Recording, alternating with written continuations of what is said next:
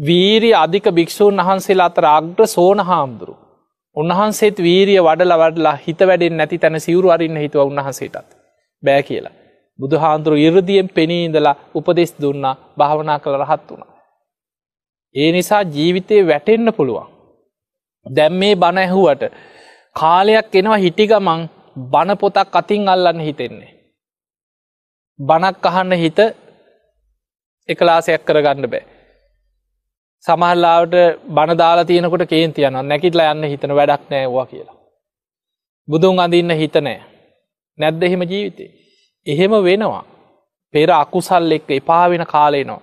මේ මොනවත් කරලා වැඩක් නෑ කියලා හිතෙනවා.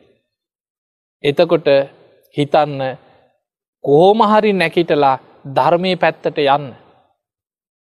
ඒ අකුසල් එක්ක ඒ පාවීම එනකොට නෑමං කොහොම හරි ධර්මය අල්ලනවා කියලා ආය අල්ලන්න නං අපිට අපාය බයි සිහි කරන්න.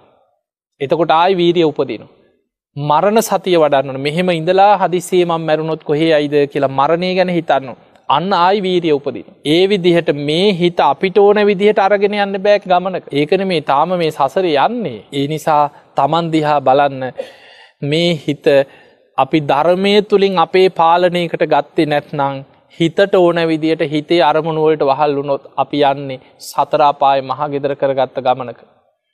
මේ හිත අපි වරගෙන ගිය කොහෙටද. සතරා වැඩිපුර ගෙනහිල්ල තියෙන නිරේට තිරිසල් ලෝකෙට ප්‍රේත ලෝකෙට.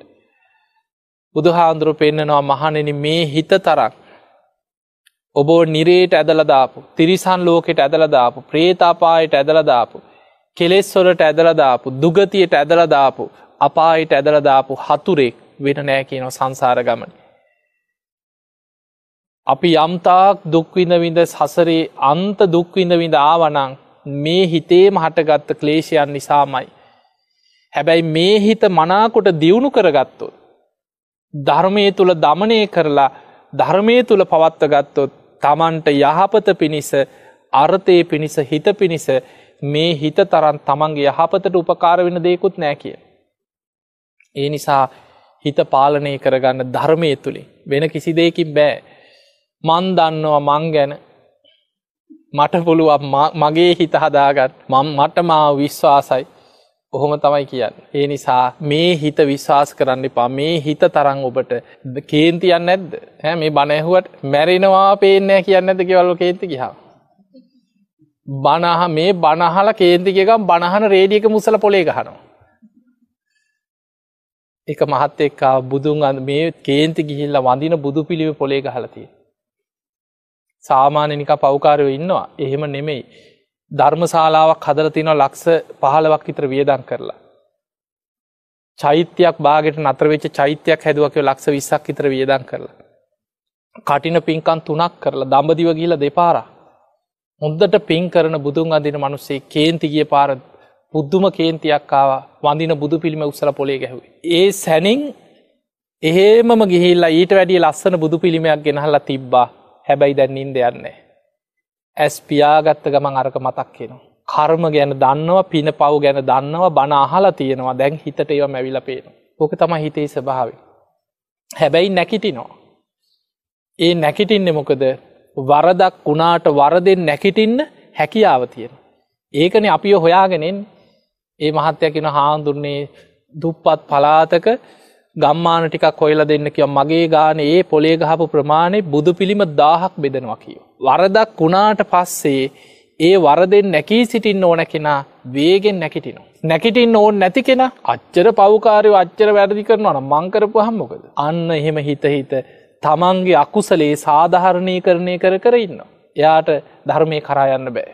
ඒ නිසා පුංචි වරදේ පවා බිය දකිින්. වැරද්දක් වෙච්ච ගමන් වරදේ බිය දැකලා සැනින් නිවරදිවෙන්. සීලේ අලුත් කරගන්න ආයමත් හදාගන්න. ඒ විදියට ටික ටික ටික ටික නිවරදි වෙන්න යහපත් වෙන්න ධර්මය කරායන්න උත්සාහයක් ගන් බණයහුවට පින්කරාට බොහෝදුරට මේ ගමන යන්න අමාරුයි.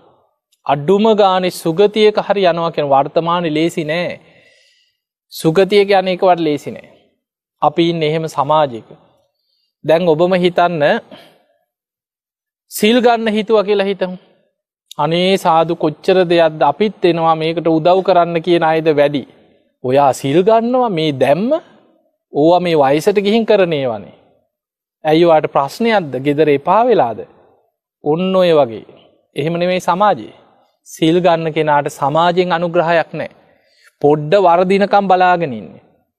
දැන් හිතන් හොඳට බණහන සිල් ගන්න කෙනෙකුට කේන්ති කියාගෙන පොඩ්ඩක් වැරදිච්ච ගමන් අනිත් අය ඕම් පේනවනේ අතේ බණපොත කියලා අර සීලේ පිටින් තියලනෙමේද ගරහන්නේ. අර තමන්ගේ ගුණ ධර්මය ඉස්සරහට දාලා ගරහනෝ. ඒ තමයි සමාජය හැටි. කවුරුත් නැකිටඉන්න උත්සාහ කරනවා නෙමේ බිමට දාන්තමයි උත්සාහ කරන්න. ඒ නිසා එහෙම සමාජයක් අයි මේ සමාජයේ තුළ ධර්මය හැසිරෙනවා කියන්නේ අමාරුයි. හැබැයි අමාරුයි කියලා කිසිම විකල්පයක් නෑ. ඒකයි බුදුරජාණන් වහන්සේ පෙන්වේ හිසගිනි ගත්ත කෙනෙක් ගින්න නිවන්න මහන්සේන වගේ. ආයුදයකින් පහරක්කාපු කෙනෙක් තුවාලයක් සනීප කරන්න වෙහෙසෙනවා වගේ. අඩාඩා හරි සිල් රකින්න කෙන වෙන විකල්පයක් නෑ. ඒ නිසා ධර්මය දියුණු කරගන්න ගුණධර්ම පුරන්න ධර්මාවබෝධයට මහන්සියක් ගන්න තිං ඔබ හැම දෙනාටම මේ ජීවිතයේ දවසින් දවස මොහොතින් මොහොත ෂනයෙන් ෂණය අපි මරණයට ලං වෙන. අපි දන්නේ නෑ කවදා කොතන කොයි මොහොතේ හුස්මටික අයිද දන්නේ. එනි සප්‍රමාදී වෙන්න බුදුරජාණන් වහන්සේගේ අන්තිම බුද්ධ වච්චන. හන්දදාන භික්කවේ ආමන්තය මහනෙන අවසාන වසයනුත් අමතනොකි. වය දම්මා සංකාරා මේ ලෝකෙ සියලු සංස්කාර අනිත්‍යයි. මේ හැමදේම හටගෙන පැවතිලා නැතිවී යන ස්භාවේ යුක්තයි. අප්‍රමාදේන සම්පාදයට. අප්‍රමාදීව කුසල් වඩන්න කිය. ඒක හැමවෙලේම හිතත් මෙහෙම ඉඳලා හදිසියේවත් මං මැරුණොත් කොහේ අයිද කියලා හිතත්. රජමැදුරේ හිටියත් ආදීනව දස්සාවිනෝ. ආදීනව දකිමින් වාසය කරන්න කිය. යම් දවසක මේ ඔක්කොම අතහැල්ල මට යන්න වෙනවා කියලා ඒ ආදීනව සිහිකරමින් වාසය කරන්න කිය. මේ ධර්මය ඕපනයිකයි ඕපනයිකයි ගැන් තමා තුළට පමුණවාගෙන තමන් තුළින් බලන්න තියෙන. හැමවෙලේම අනුන් දිහා නෙමෙයි තමන් දිහා බලන් මම ලෙඩ වෙන කෙනෙක්. මං වයසට යන කෙනෙක්. මං ජරාවට පත්වෙන කෙනෙක්. මං ඉපදිච්ච කෙනෙක්. එහෙනම් මං ඒ කාන්තෙන් මරණය උරුම කරගත්ත කෙනෙක්. සෝක පරිදේව දුක්ක දෝමන සුපායාස මා කරයින්නේ මොන විදියටද. අවිද්‍යාවත් තන්හාවත් එක්ක මම මේ සසරි පැටලි පැටලි යන කෙනෙක් නේද.